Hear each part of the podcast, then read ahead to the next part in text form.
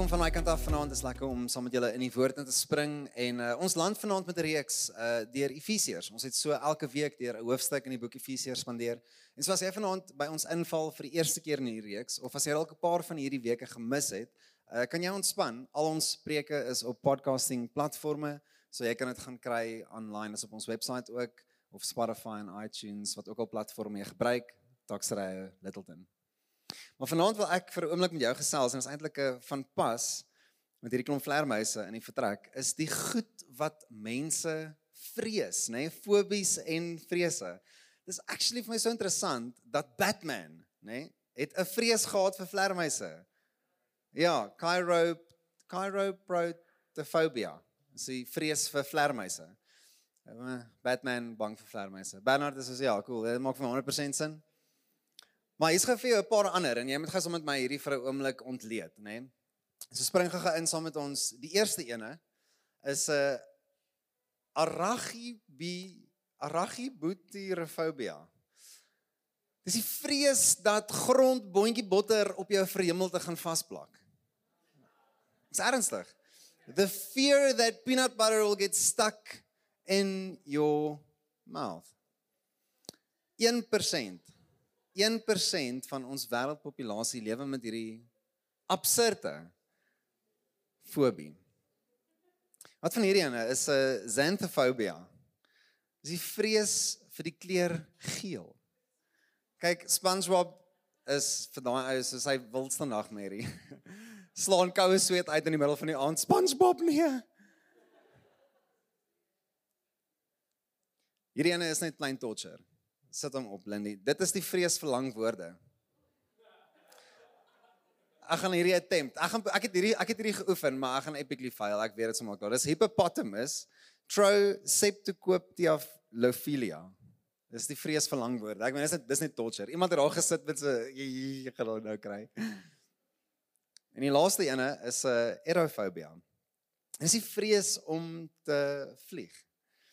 Nou meeste, indien nie al vrese wat jy gaan sien soos hierdie vrese en fobies uh, is absolutely ungrounded. Dit is stupid, nee. Dit is amper asof hoe kan jy bang wees? Dit is irrasioneel. Net om jou goue idee te gee. Heidiglik, soos ek nou hier staan met jou praat, is daar omtrent 'n miljoen mense besig om te vlieg.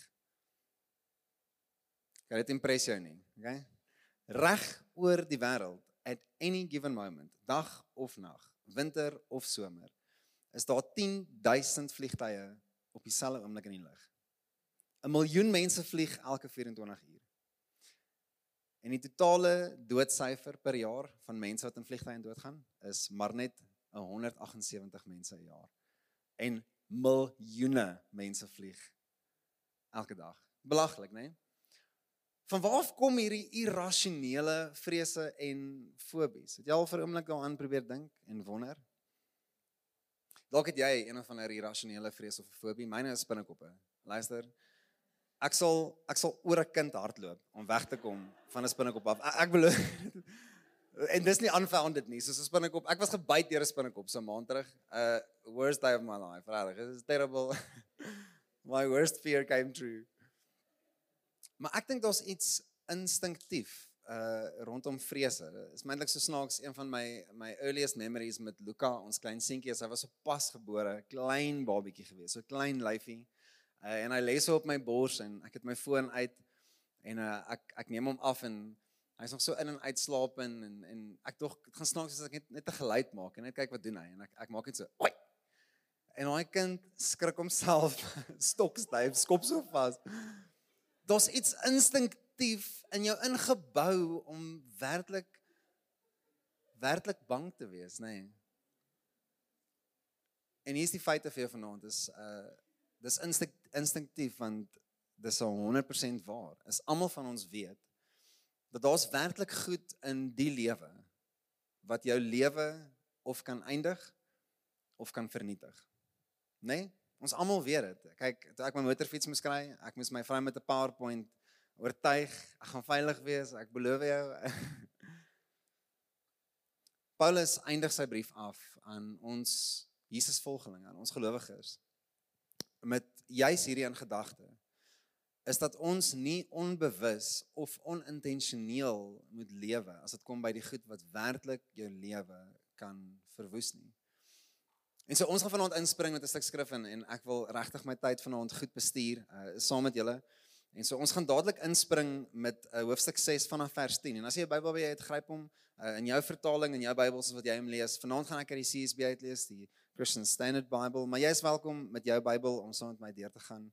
Andersins volg op die skerms. Maar Paulus begin en hy sê finally, finally. Nou ons het nie vanaand die tyd om op te vang uh, die vorige 5 hoofstukke nie. So asseblief uh, spoil yourself. Uh, bederf jouself, jou rowwe Christen. Okay? Gaan luister die laaste 5 weke. Uh it's going to bless you. Maar hy begin hy sê finally in die einde van hierdie ding wat ek op my hart het as dit kom by hoe om te lewe, hoe om Jesus werklik te volg in jou lewe en glo. Finally be strengthened by the Lord and by his vast strength. Put on the full armor of God so that you can stand against the schemes of the devil. For our struggle, it's not against flesh and blood, but it's against the rulers, against the authorities, against the cosmic powers of this darkness, against evil spiritual forces in the heavens. And so, for this reason, take up the full armor of God so that you may be able to resist in the evil day. And having prepared everything to take your stand. Gaan aan vers 14. Stand therefore with truth like a belt around your waist, righteousness like the armor on your chest, and your feet sandaled with readiness for the gospel of peace. In every situation, take up the shield of faith with which you can extinguish all the flaming arrows of the evil one. So take the helmet of salvation and the sword of the Spirit, which is the word of God, and pray at all times in the Spirit with every prayer and request, and stay alert with all perseverance and intercession for all the saints. Die eerste die eerste intree vir ons in in in hierdie gesprek in en so wat ons die woord saam met mekaar uitpak. Die eerste ding wat ek vanaand wil sê, dit is ook die laaste ding wat ek vanaand vir jou gaan sê. Is wat Paulus mee kom 'n sterk appel op elke gelowige se lewe en sê be strengthened. amper asof jy kan nie met 'n swak geloof en 'n swak uitkyk op hoe jou verhouding met die Here uitspeel leef nie. Uh, nie net omdat die lewe jou gaan rol nie. Uh, ons kan die lysie maak, load shedding, sinkgate, politiek, uh, ons kan die lysie maak. Nie die goed rondom jou nie. Hy sê daar is bose magte. Guys, okay. Hendrik is baie excited vir vanaand se se preek. Hy sê wat gaan jy sê vir die ou? Daar's bose magte. Kom ons wees vir 'n oomblik baie reguit, baie eerlik en erken dat daar's 'n vyand wat al vir duisende jare strategieë en taktieke refine en en met precision aan mekaar sit met een doel in gedagte. En is om elke gelowige se lewe aan te val en te verwoes. Die Bybel sê dit so duidelik, hy is soos 'n brullende leeu wat rondloop en wag om te wat? Te steel en te slag en te verwoes. En so baie ouens begin met so 'n boodskap met ja, gaan vir jou bank praat vanaand, nee. Kyk as jy hier uitstap. En dis nie wat ek gaan doen nie. Ander ouens sal dit afspeel en sê nee man, dis net die kinderbybel duiwel. Jy hoef nie te worry oor hom nie. Uh, hy's okay, hy hy beter goed om in sy tyd te doen. Daar's belangriker Christene in die wêreld. Jy's okay, jy kan relax. Ek gaan ook nie dit vanaand doen nie. Wat ek wel vir gaan doen is, is presies wat Paulus hier vir ons skryf. Die appel op ons hart is is jy besig om in jouself in te bou as 'n gelowige? Are you being strengthened En dit is deur ons vermoë nie. Hy sê it's by by God. He wants to prepare us. En so die vraag vir ons dan is dan vir wat? En so as jy in jou Bybel kyk, ek weet nie wat is jou jou opskrif vir hierdie uh hierdie paragraaf in jou Bybel nie. Uh dit gaan ietsie wees so spiritual warfare. Uh enigiemand anders dan in die vertrek, hè? Wat sê julle Bybels? Enigiemand? Wat sê dit nou? Christian warfare. CSB sê Christian warfare. Lees hierdie CSB onder 'n skuilnaam. Maar okay. Enige anders warfare. So so flip it. Ek het nie opgeteken vir hierdie nie, nê? Nee? Warfare. Ek probeer net deur my dag kom. Ek wil nie gaan oorlog maak nie. Nou ons in vandag se tyd het eintlik nie 'n begrip vir presies waarvan hierdie konteks hier praat nie. En ek wil net gou vinnig twee, ons tyd is min, maar ek wil twee goed vanaand net as voorbeelde gebruik. En die ene is uh jy ken sulke ouens. Ek het in die moot gebly vir 'n paar jaar. As jy nie weet waar die moot is nie, uh ek gaan nie nou tyd daar spandeer nie. Maar ons mense wat soos jy stap in hulle kamer en daar's 'n poster van 'n gun. Okay, daar's 'n gun. Uh hulle het klomp wapens in hulle huis. Uh, ek meen hulle is gerig to the T. Hulle is reg. Kyk as daar iets uitbreek, ry ek en my kar na die moot toe. Ek's veilig daar, ek weet dit. Ek, my vrou, my hond en my kinders almal is saam. Ons gaan na die moot toe. En ons is prepared, man. Hulle het hulle self uh opgelei, gewapen. Uh hulle het alle nodige taktieke reg. Hulle weet. Wat s'e kans dat werklik 'n oorlog gaan uitbreek? Uh vir daai ouens, kyk hulle hoop en bid asseblief asseblief asseblief met my gun gebruik asseblief. uh but does it ever? Uh dalk nie. Ek dink in meeste gevalle dalk dalk nie. Aan die ander kant kry jy ouens wat uh soos wat ons gesien het in die oorlog tussen Rusland en die Oekraïne wat daar 'n oorlog eintlik uitbreek en hulle te min soldate het om eintlik te kan weerstaan wat Rusland nou probeer doen. Toe gebruik hulle alledaagse mense in die samelewing, dokters en juffrouens en blammers en hulle gryp almal bymekaar. Hulle het 18000 gewere in die eerste week in civilians se hande ingedruk en gesê nou gaan jy ons met ons oorlog veg. En daai persone het nog nooit in hulle lewe geweer vasgehou nie meeste van daai mans het nog nooit eers 'n stofsuier vasgehou nie. Maar hier staan hulle nou met 'n AK47 reg om wat te doen? Om te veg vir ons lewe. En in al twee van hierdie uh gaan jy jouself in die in die spanning van hierdie beleef. Is as ek regtig bekwam, is die Afrikaans woord. Am I really competent to head into something called a spiritual warfare? En so baie Christene raak benoud oor hierdie. Maar daar's eintlik 'n beter vertaling van dit. Is eintlik 'n beter vertaling. En die meer akkurate vertaling is nie spiritual warfare nie. Uh it's actually something called spiritual or supernatural combat. So wat is die verskil tussen combat en warfare? Wel, warfare gebeur op 'n groot skaal. Oorlog gewoonlik gebeur op 'n groot skaal.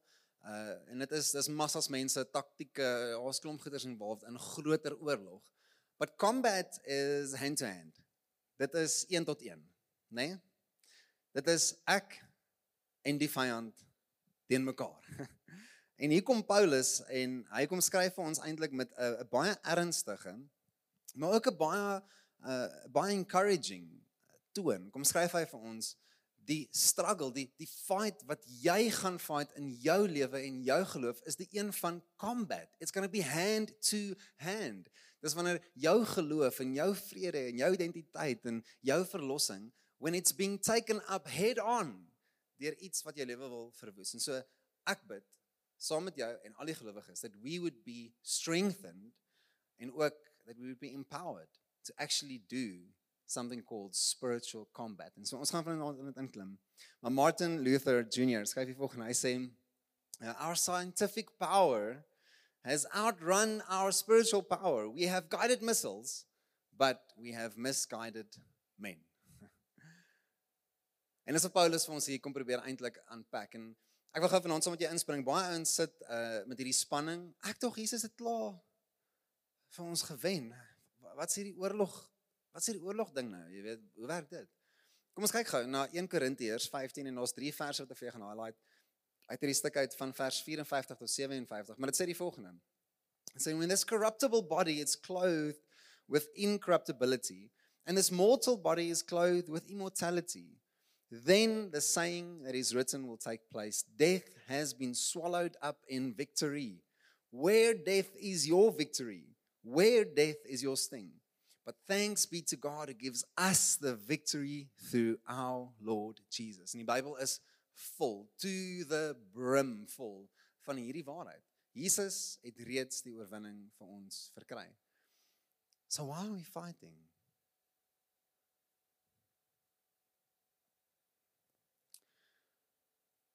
Sien dit is eintlik nie dat ons veg vir iets nie. En baie Christene sal jou laat dink dat dit wel so is. Jy moet veg vir iets, jy moet veg vir jou vryheid en dit is die hoe half van amper elke generasie. Almost every revolution, amper elke liewe rassegroep of politieke groep of sosiale groep sal altyd veg vir iets anderste. But we're not fighting for something. Inteendeel, we are fighting from something. And so it's less about fighting and more about upholding. we uphold our victory against the enemy's tactics. So hier is opsommend wat dit beteken. Wat Paulus vir ons skryf. Hy sê vir ons is als gegee. Hy begin hierdie boek met elke geestelike seën is oor jou uitgestort. God het 'n plan vir jou lewe. Hy kom roep jou, hy kom seën jou, hy kom sonder jou af, hy kom sit jou langs Jesus. Hy gee vir jou autoriteit en identiteit en hy hy roep jou, maak 'n appel op jou lewe. Man, he seated us in heavenly places. Maar hoe maklik en hoe gereeld sal ons afklim van ons posisie af. Sien dit is eintlik wat die vyand uh hier gaan doen en wat ons gaan sien is jy sal dink na keer na keer so trial and error waar die vyand probeer mense se lewens verwoes en dit werk nie gaan hy dalk sy taktieke verander nê nee, ek weet fail until you succeed nê nee? but he doesn't Inteendeel, he's been sticking to the same guns since the day he got started. And so it is the six tactics that the enemy will try to use to derail and destroy your life and who owns that combat. How we step up, take the stand to stand against, to resist. Nie om die duiwel te gaan soek agter elke berg. Die Afrikaanse ding is eintlik baie mooier om die bobbejaan agter die berg te gaan haal, nê? Nee, ons doen nie dit nie. Ons soek nie die duiwel onder elke klip nie. Maar ons erken dat daar's verseker bose magte wat my gaan probeer aanval. En ek wil nie onbewus wees nie en ek wil ook nie onintentioneel wees nie. Inteendeel, ek wil wel bewus wees en baie intentioneel as dit kom by die goed wat my lewe gaan probeer verwoes. Is daar 'n amen in die vertrek? Enigiemand? kom ons spring in vanaand. In Efesiërs 6 vers 14, die eerste ding wat Paulus vir ons hier noem, hy sê stand therefore with truth like a belt around your waist. Truth that combats lies. Nou hierdie is dalk bietjie TMI vir baie mense. Ehm um, het ooit van die gesegde gehoor grid your loins enigiemand in die vertrek? Grid your loins. Klink so Dit is 'n band eintlik uit die UK uit. Grid Your Loins, het jy al 'n nuwe CD gehoor? Wat dit eintlik was is 'n uh, eh, en en Paulus het eerstehandse ervaring gehad met hierdie want hy was vir jare lank geboei aan 'n Romeinse soldaat, fisies vasgemaak aan 'n soldaat dag in en dag uit in gevangenis. En so baie van die Romeinse soldate en ook maar van die uh wil sê ancient cultures, uh, het mans rokke gedra. Ah, wel, ek het dit nie 'n rok genoem nie, maar soort gelyk tot 'n rok, iets wat jy nie hoop om ooit te sien in 'n mall nie. Uh make of that what you will.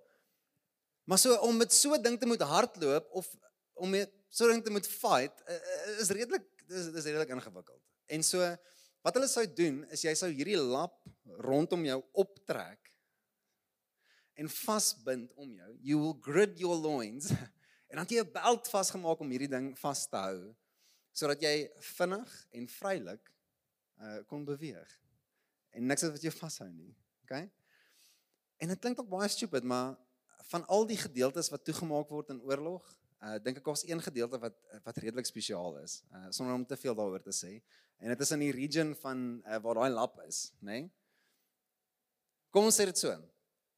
It's probably going to be your most vulnerable place. nee. Ek kan nie meer as dit sê sonder om in die moeilikheid te kom nie. So jy moet my help asseblief. As jy nie weet nie, vra iemand langs jou.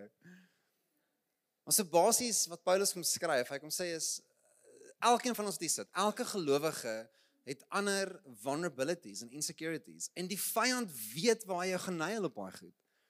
Man oh man oh man, weet hy dit? Is jou insecurities waar jy dink ek's nie goed genoeg nie. Ek's 'n failure. Ek het niemand eintlik om my nie. Ek is alleen. Ek hou nie eers van my nie. Hoe moet ek verwag aan mense moet van my hou?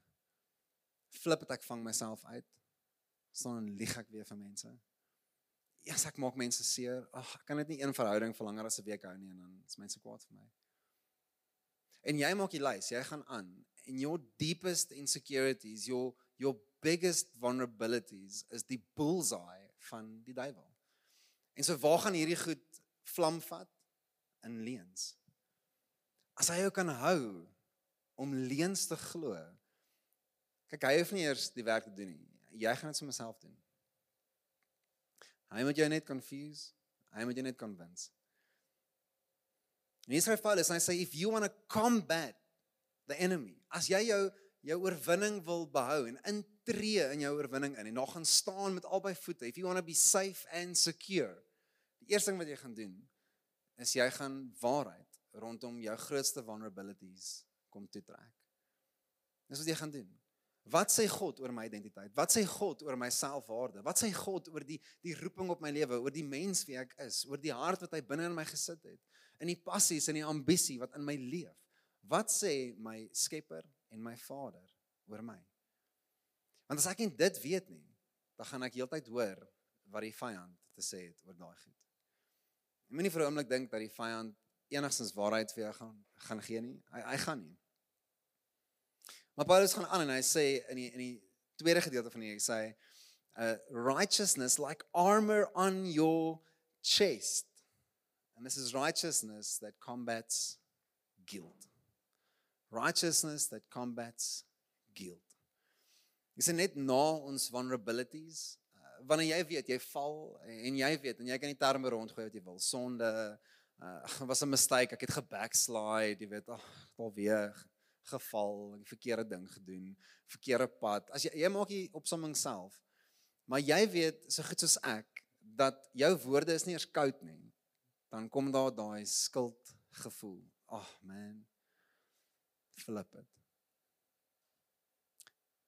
Dit is, is gewoonlik wanneer jy uitgevang is, uh, wat jy eers skuldig voel, nê, nee, soos ag, oh, flip, ek uitgevang. Maar die erger skuld is wanneer jy nooit uitgevang word nie. Die erger skuld is wanneer niemand ooit sal weet nie. Maar jy weet dit. En die vyand weet dit.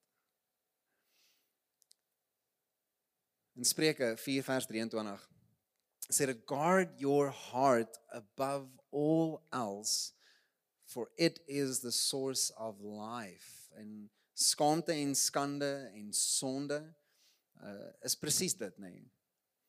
God roep jou geregtig. Hy hou niks teen jou nie. Inteendeel, hy het al die skuld op homself gevat. Alles, elke prys is betaal. En so ons kan nou punte neer geraak rondom, okay, maar, jy weet, wat is nou sonde, wat is nou nie, uh jy weet, maar hierdie ou doen dit al vir so lank, ek het dit nog net een keer gedoen of dis nie die gesprek nie.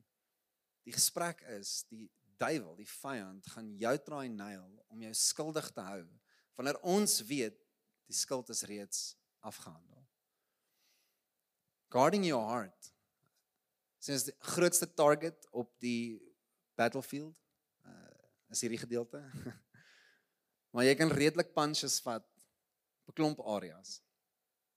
Maar daar's een plek spesifiek dat as jy daar gesteek moes word of gesny moes word of 'n bullet moes kry, is jy onmiddellik dood. En, en wat is dit? Is dit jou long? Is dit jou nier? Is dit jou jou kolon? Wat is dit?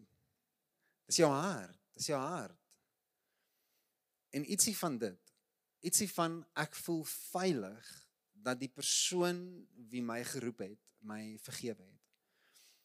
En dat die amnestie wat die wat die duiwel so so maklik inlaai, nê. Nee, ek meen jy hoor daai klikking, hy laai daai amnestie in. Dit is amper asof jy kan skiet soveel as wat jy wil.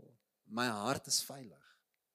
God blameer my nie en hy wraak nie teen my nie. Hy het my vergewe. Man, dis waar die kruis gegaan het. Eerstens Romeine 8 vers 33 uh maak dit so so duidelik. Dit sê who can bring an accusation against God's elect? Who? God is the one who justifies. So guard your heart. Jou geregtigheid is vas.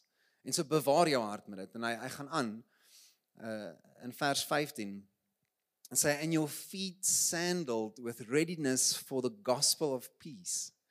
En so baie ouens misinterpreteer hierdie en dink dit is uh jy weet jy moet die jy moet die sandale aantrek om die die evangelie te gaan deel met ander mense. Which is noble and it sounds good. Dit klink baie Christianese, maar dis nie wat hierdie sê nie. Hoe ver kan jy kalfvoet loop? Ek ek weet nie, in vandag se tyd my voetjies is sag. Ek het sagte pink voetjies. Regtig, ek het vra my vrou. Ek het sagte pink. Ek kan nie sloop op die strand nou, so twee weke terug. My voete is eina. Dis dis bad. ek kan nie ver kom uh sonder skoene of plakkies nie. Dis dis nie net inconvenient of inconvenient nie. Dit is dis pynvol. Dit maak my seer. En al hoe meer in daai dag en tyd. Hulle het nie so mooi sypaadjies gehad soos ons nie, man. Uh dis klippe, stof is warm, is nie lekker nie.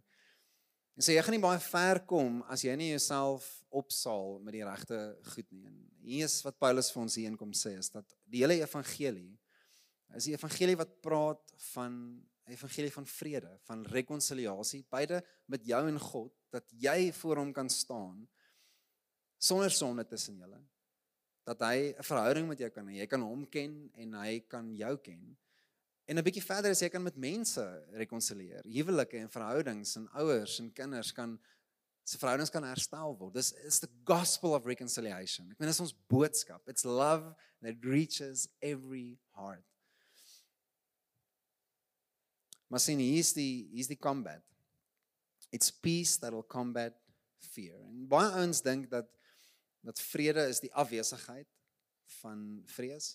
As daar nie vrees is nie, dan het jy vrede. Solank daar net nie vrese rondom jou is nie, dan het jy werklik vrede, maar dis nie waar nie. Vrede is nie die afwesigheid van vrees nie. Dis die teenwoordigheid van waarheid. Maar as jy iets soek wat jy gaan vrymaak en die Bybel is weer eens to the brim packed overflowing where the spirit of the Lord is there is help my freedom and the truth shall set you free. Daar's daar's iets binne in die teenwoordigheid van God se uitspraak oor jou lewe wat finaal vas is. Wat werklik vrede kom bring. It's almost as if freedom just walk into this room, né? Nee? Daar's 'n teenwoordigheid. Nie nie omdat daar 'n afwesigheid van 'n paar goed is nie, is omdat daar so teenwoordigheid in my lewe is. En so hoe laat ek toe dat vrees kom vernietig of verklein of verwoes? Hoe laat jy dit toe? As jy al jou oë van vrede af. Die persoon van vrede. Die Bybel beskryf dit ook so in die Nuwe Testament dat Jesus is the prince of peace, carrying in, ushering in peace embodied. Dis nie 'n fairy gevoel nie. Dit is wanneer ek werklik myself kan veilig sien en vind in hom. Die Bybel het omtrent 8810 beloftes. Min of meer. Oor jou lewe persoonlik. Dis God se uitspraak, sy beloftes oor jou. 8810. Dis amper hoeveel woorde ek tot en met nou toe gepraat het. 8810 beloftes uniek aan mekaar gesit om jou te kom bless en te kom seën. En hoe laat ons toe dat vrees inkruip? Is ons haal ons oë van dit af. Ons vergeet dat die die God wat ons gemaak het en gevorm het en gekies het, iets te sê het oor ons lewens, oor wie ons is, oor waar ons is, ons wat ons deurgaan. Maar Paulus gaan aan in vers 16 I say, in every situation, take up the shield of faith, which you can extinguish all the flaming arrows of the evil one. It's a faith that combats wickedness. Baie ons dink geloof is uh, is wishful thinking. Kobus het dit vanoggend ook gesê. Is net wishful. Ek ek hoop net vir 'n beter môre. Uh, ek glo dinge gaan beter wees en ons ons probeer hierdie valse hoop opkikker in ons binneste. Maar dis nie wat geloof is nie. Geloof uh, is nie net om te hoop vir ietsie beter nie. Dis om met twee voete op 'n fondasie te staan wat werklik gegrond is, wat werklik kan opstaan teen die lewe. Dis gegrond in 'n ewigheidsrealiteit. Dis daar is 'n God groter en sterker as enigiets rondom my. En so hy het so mooi gesê is amper asof geloof is daai daai anker, daai geloof en daai hoop wat geanker is in 'n ewigheidsrealiteit en wat ek kan vashou en dit is dis die fondasie onder my voete en dag in en dag uit situasie in situasie uit is daar iets wat ek op kan kom staan. En in die vroeë 1200s is die volgende woorde gesê to the one who has faith no explanation is necessary but to the one without faith no explanation is possible. En dit is so waar, is amper asof hoe kan jy jou lewe leef sonder om dit op iets te kom bou wat 'n groter autoriteit het as omstandighede? Op wat bou jy jou huwelik? God se waarheid en sy woord. Op wat bou jy jou identiteit? Op wat bou jy jou finansies, jou werk, jou ambisie, jou roeping? Op wat bou jy enigiets in hierdie lewe? As dit nie is op 'n groter autoriteit as omstandighede nie. Dis wat geloof is. Ek vertrou dat daar 'n groter uitspraak is oor hoe ek my lewe gaan leef en oor wie ek is. As wat ek in myself kan vind of in die wêreld rondom my kan vind. It's an eternal reality. Man and I'm living it out. Dis wat geloof is. Die laaste twee som Paulus op eintlik uh binne in binne in een voorbeeld, maar ons unpack hulle as twee vanaand. Hy sê take the helmet of salvation. Uh and this is to combat lostness. Ek weet nie of jy ooit in jou lewe verlore gevoel het nie. Uh of dit nou fisies was. uh so en hard dit uh as ons op vakansie is en ek klim in 'n kar ons ry net. Uh, Daar's nie 'n GPS insig nie. Ons ons explore net. Uh, en dan lyk like dit soos die begin van 'n horror movie. Jy eindig met daai Hills Have Eyes tipe dorpies op. Uh, en ek en sy het al verlore geraak in ons ekspedisies en daai gevoel van nie net is ek is ek onbewus van waar ek is en waartoe ek moet gaan nie, maar ek voel so verlore dat ek is onveilig, nê? Nee? Ek weet nie wat hier wag vir my nie. It's an unknown space. Ons ietsie van uh om jou gedagtes te beskerm. Ietsie van van die helmet uh wat eintlik onprakties is om elke dag mee te leef. Uh, ek, ek ry motorfiets en ek kan nie wag om my helmet af te haal as ek stop nie. So onprakties. Kan nie reg asemhaal nie. Jy kan nie eintlik eet nie. As amper asof 'n helmet is vir 'n spesifieke doel, nê? Nee? Dis wanneer jy genuine in bedreiging is, in oorlog of op die pad, dat jy vir 'n oomblik iets moet opsit, iets moet inbou, iets ekstern moet optrek wat my gaan moet beskerm vir 'n oomblik of 'n klein tydjie. As jy 'n soldaat se helm het al ooit moes gesien het, hierdie swaar knights helm. Ek meen, hoe gaan jy lewe met daai ding? Sê jy ou in die movies met hierdie messe van dan daai daai besemveer so sit hy hier in die movies, probeer daai popcorn eet, gooi hom deur daai geete, kan nie by uitkom nie. Dit is so wat doen jy? Jy's veilig in die movies, haal hom af. Maar as iets van jou redding wat jy nodig het om jouself in tye spesifiek mee moet te beskerm. Ons niks fout om te twyfel. Maar niks fout nie. Dit is normaal om te twyfel. Ek dink twyfel is juist dit wat jou geloof gaan toets. Maar daar's iets aan wat jy nooit moet twyfel nie. En dit is in jou redding. It's been squared out. God sal nooit sy mind verander dat hy jou gered het nie, nooit nie niks wat die vyand sal doen sal daai realiteit kan verander nie. En so daar's kere en tye in jou lewe waar die duiwel gaan probeer om daai ding te nitpick. Is jy regtig gered? Ah, ek weet nie hoor. Verbeet maar baie sonde. Uh jy 'n bietjie gefake aan in worship, hande in die lug. Ek ek sê niks maar ek dink ek dink jy is reg gered nie. Het jy regtig toe jy gedoop is dit bedoel? Uh jy regtig genoeg Bybel gelees? Ek weet nie, maybe my bes nie regtig gered nie. Maar hoor wat sê Paulus in Kolossense 3 vers 1 tot 2. Hy sê so if you have been raised with Christ, seek the things above where Christ is, seated at the right hand of God. And so set your minds on the things above, not on earthly things. En dis die verskil tussen being saved from and being saved for. Jy sien daar's tye in ons lewens wat ons 'n uh, 'n intentionaliteit moet oor ons gedagtes trek. Dat die Here het my nie net kom red vanuit my sonde nie en vanuit my sleg en gebrokenheid. Hy het dit ook gedoen. Maar die punt was nie to save you from nie. Die punt was to save you for. I've called you with a purpose. En so as die duiwel dit kan regkry net om jou gedagtes te shift en jou te laat betwyfel is dit amper asof hy jou immobilize. Almost nullifies your calling. Dit is amper asof ek kan nie werklik my roeping uitleef nie want ek betwyfel of ek eintlik gered is of nie. Ek kan nie werklik by kerk inskakel nie want ek was laasweek nog dronk in 'n bar. Ek kan nie werklik vir iemand gaan bid nie. Ek het nog laasweek aangejaag. Ek het geroud ry op pad kerk toe, man. Op 'n ou vir my ingery met so 'n grys Corolla. Ek is op 'n ou se bumper. Nou stap ek, ek kan nie vir 'n ou bid nie. Ehm um, ek sien wat probeer die duiwel doen is is amper asof as hy by stap 1 kan vang. Maak die res van die stappe daarna nie saak nie. En ek weet en ek sê dit vanaand vir jou want dit was ek vir soveel jaar en ek weet soveel van julle sit hier met presies dit.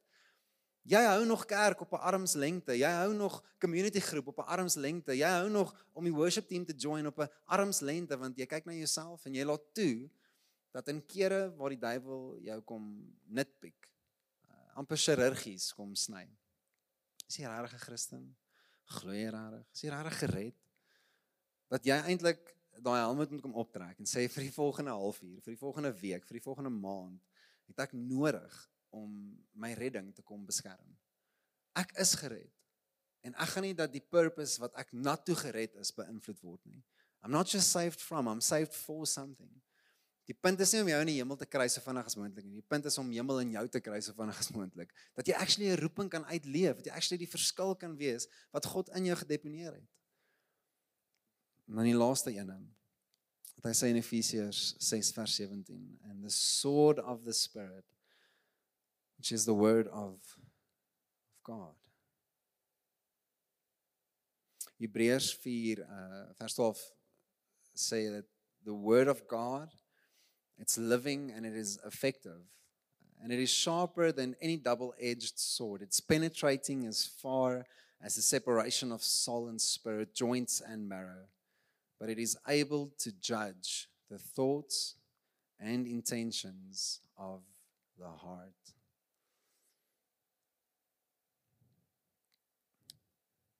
Bekende bekende Boeddha. Ja, Maurice nou preek jy hier oor Boeddha. Boeddha sê die volgende.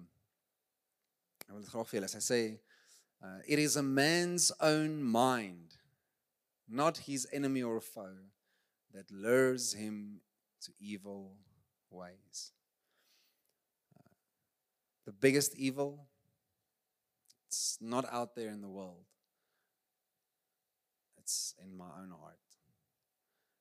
Ek dink is nodig dat elke gelowige dit moet erken.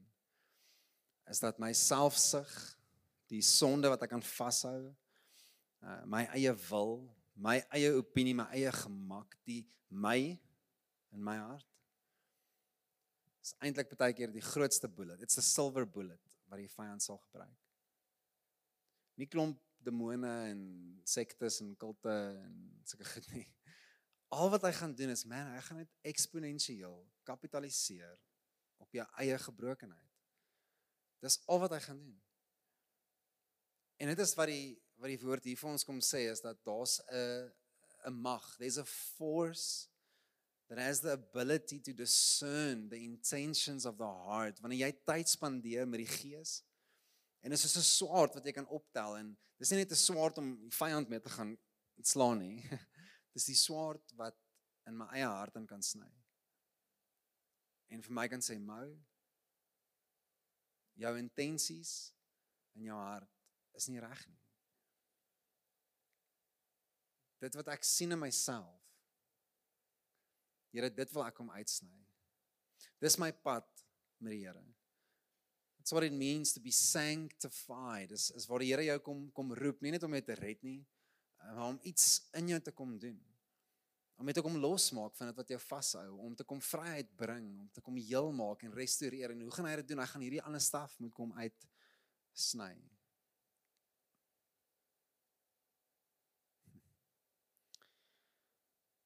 Be strengthened. Dis my gebed vir elkeen van julle vanaand. Uh En ons gaan hierdie week gaan ons 'n punt daarvan maak om hierdie laaste hoofstuk saam uh, deur te werk en so ons ons het 'n leesplan. Maar saam met dit wil ek uh, wil ek jou nooi om um, ergens in hierdie week te gaan sit. Efesiërs 6 oop te maak. En weer deur hierdie 6 uitsprake uh, to arm yourself, to put on the full armor of God en om toe te laat dat jy jouself sal versterk om werklik 'n geloof te hê wat nie papier dun is en gaan vou en skeer nie but something of substance. Iets wat jy op kan staan en sê man this as ek my lewe op iets gaan bou gaan dit hierdie wees. Niks anders te nie. En dalk sit jy vanaand en en you fallen victim. The battle has been won uh, but you have fallen victim to lies and deceit fallen victim to fiery arrows being shot at you. But now is the time to combat it.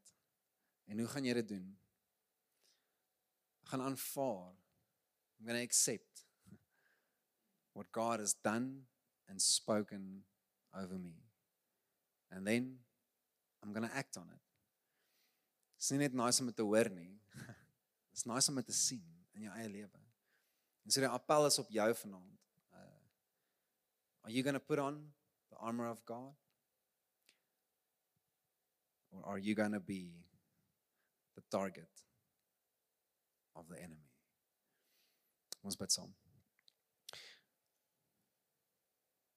Here, ek kom bid dat soos wat u woord beloof, er dat u hierdie behoefte het en hierdie begeerte om om in ons lewens om te kom versterk, Here. Kom bid ek dat elkeen van ons wat hier sit vanaand, er dat ons convict sal wees. God, that we would be stirred. Uh, I need to be strengthened. Uh, I need to build a faith that can really stand up amidst evil, amidst brokenness. Here, ek weet dat elke persoon wat hier sit, uh met hulle eie goed, hulle eie staf, uh, wat hulle deur struggle en deur worstel. Maar ek bid soos wat hierdie sê, dit nie in ons eie krag is nie, maar dat dit u krag is. It's your vast strength that I can rest in. U deponeer, u versterk, u maak heel, u bring uit, u roep in ons uit. Ons het ek bid oor elke hart hier vanaand. Ons bid in die naam, as jy saam met my stem, sê amen. Amen.